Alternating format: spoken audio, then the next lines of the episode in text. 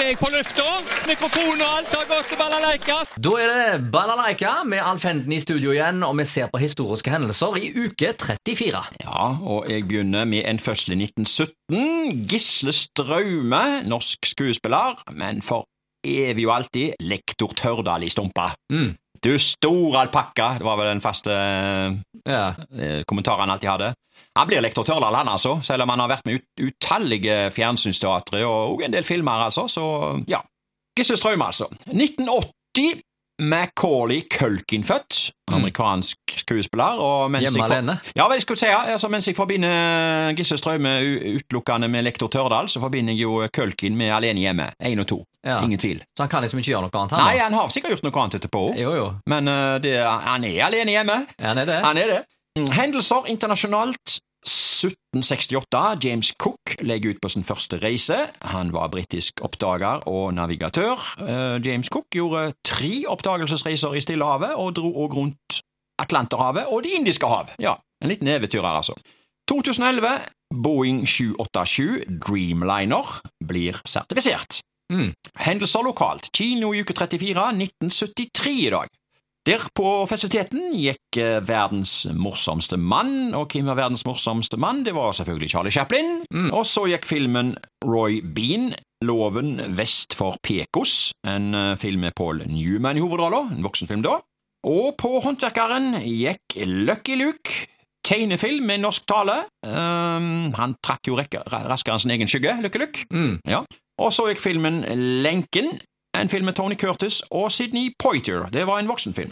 Og så, 1967, det første fargefjernsyn, du, Haugesunds Avis skrev. Det første fargefjernsynet er i disse dager kommet til Haugesund, og det er en privatmann i byen som har bestilt apparatet. Ved forretningen som har solgt apparatet, får vi opplyst at selv om vi ennå ikke har fargefjernsyn her i landet, er det mulig å få inn utenlandske fargeprogrammer under gunstige atmosfæriske forhold. Dessuten kan apparatet benyttes som vanlig sort-hvitt-fjernsyn. Og hva er altså prisen på denne fornøyelsen? Den ligger nok atskillig høyere enn for et vanlig apparat. Prisen ligger på sånn rundt regnet på en 6000 til 7000 kroner. Ja, sto det altså å lese da i 1967. Og året 1967 det var jo egentlig fem år før det offisielt ble innført fargefjernsyn i Norge, og de første årene ble det jo presisert i programoversikten om programmet gikk i farger på fjernsynet. Da sto det alltid en F bak programmet. Ja. Eh, og i- På slutten der av 70-tallet så tror jeg de tok vekk F-en, for da, ja, var jo alt i farger. Det var Mm. nesten sånn at det var svart-hvitt var unntaket. Ja, ja, ja. Nye produksjoner var jo alltid farger, ikke sant? Så Ja, det var vel egentlig Ja. Men uh, den F-en bak, uh, den sto altså i mange år, og jeg tror at uh, veldig mange holdt på svart-hvitt-apparatene til rundt 1980. ja det gjorde nok det. Jeg tror det.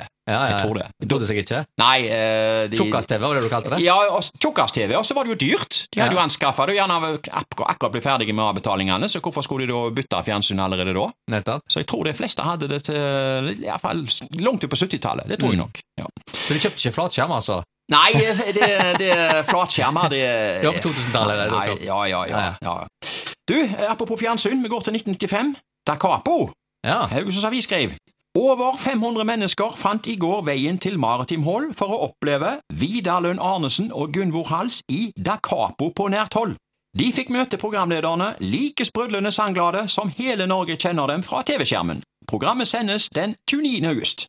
Ja, altså, Da Capo gikk på NRK årene 1991 til 2001, altså i ti år, og det ble voldsomt populært. Og altså På høyden så hadde det et snitt på eh, 1 155 000 seere. Konseptet det var jo allsang og gode minner, en god kombinasjon, det. Eh, Men programmet ble altså nedlagt da etter ti år. Og nå i sommer er det òg et eh, allsangprogram som er nedlagt, nemlig Allsang på grensen på TV 2. Ja. Det var visstnok siste sesong. Så nå må vi gå eh, og ta allsang for oss sjøl. Ja, nettopp. jeg tenker vi kan gjøre det på ekte Da Capo, hvis jeg. Ja vel. Vi tar inn rungene, la-la-la-la. Ja, men det. Da, vi drar det videre her. Ja. Vi tar inn rungene, hot or not. Ja, Ja, ja, men ikke det? Vi tar inn rungene, hot or not. allsang! Hot or not! Oi, det er hot. Det er hot. Vi tar inn rungene, hot or not.